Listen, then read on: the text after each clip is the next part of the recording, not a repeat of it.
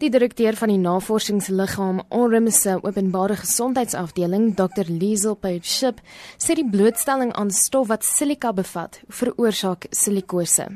This dust then settles literally in the lungs and affects how the immune system of the lungs works.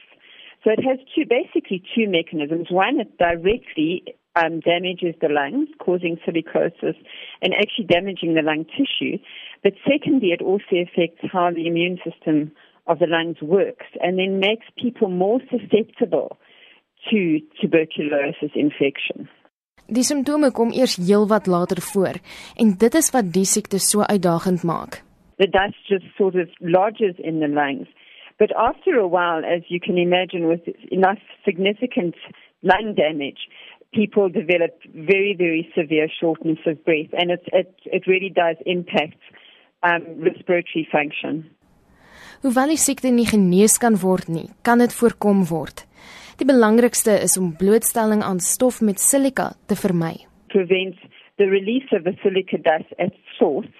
So in the mining operations, what is called watering down, so using water when drilling happens, making sure that the dust exposure to the mine workers is limited.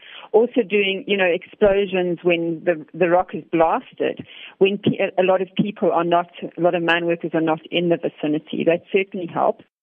Nog 'n voorkomingsmaatreël is die dra van gesigmaskers.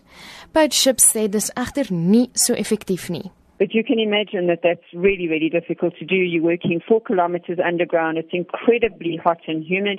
You need to speak to your co-workers. It's very difficult to wear a mask for an eight hour shift.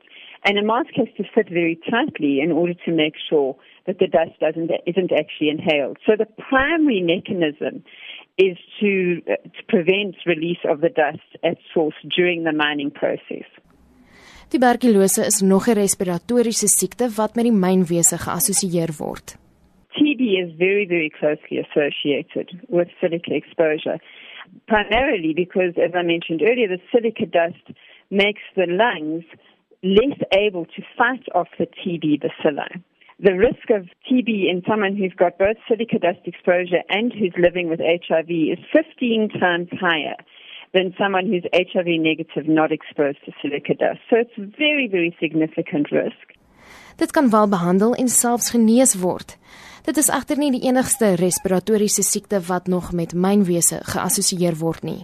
Chronic obstructive pulmonary disease or COPD which is also associated with silica exposure and is associated with smoking. And once again, those effects are additive. Many mine workers do smoke. And so the obstructive airways disease is another risk. So it's also a kind of an emphysema pattern. So COPD is treatable but not curable. Um, and it's not reversible. Whereas, of course, TB is curable and reversible, providing many factors are in place. So sê met silikose kan dan nie veel aan die simptome gedoen word nie. The silicosis actually damages the tissue of the lung. There's nothing one can do. Dit was die direkteur van die navorsingsliggaam Orm se openbare gesondheidsafdeling, Dr. Liesel Page Ship. Ek is Marlene Forsie vir SABC nuus.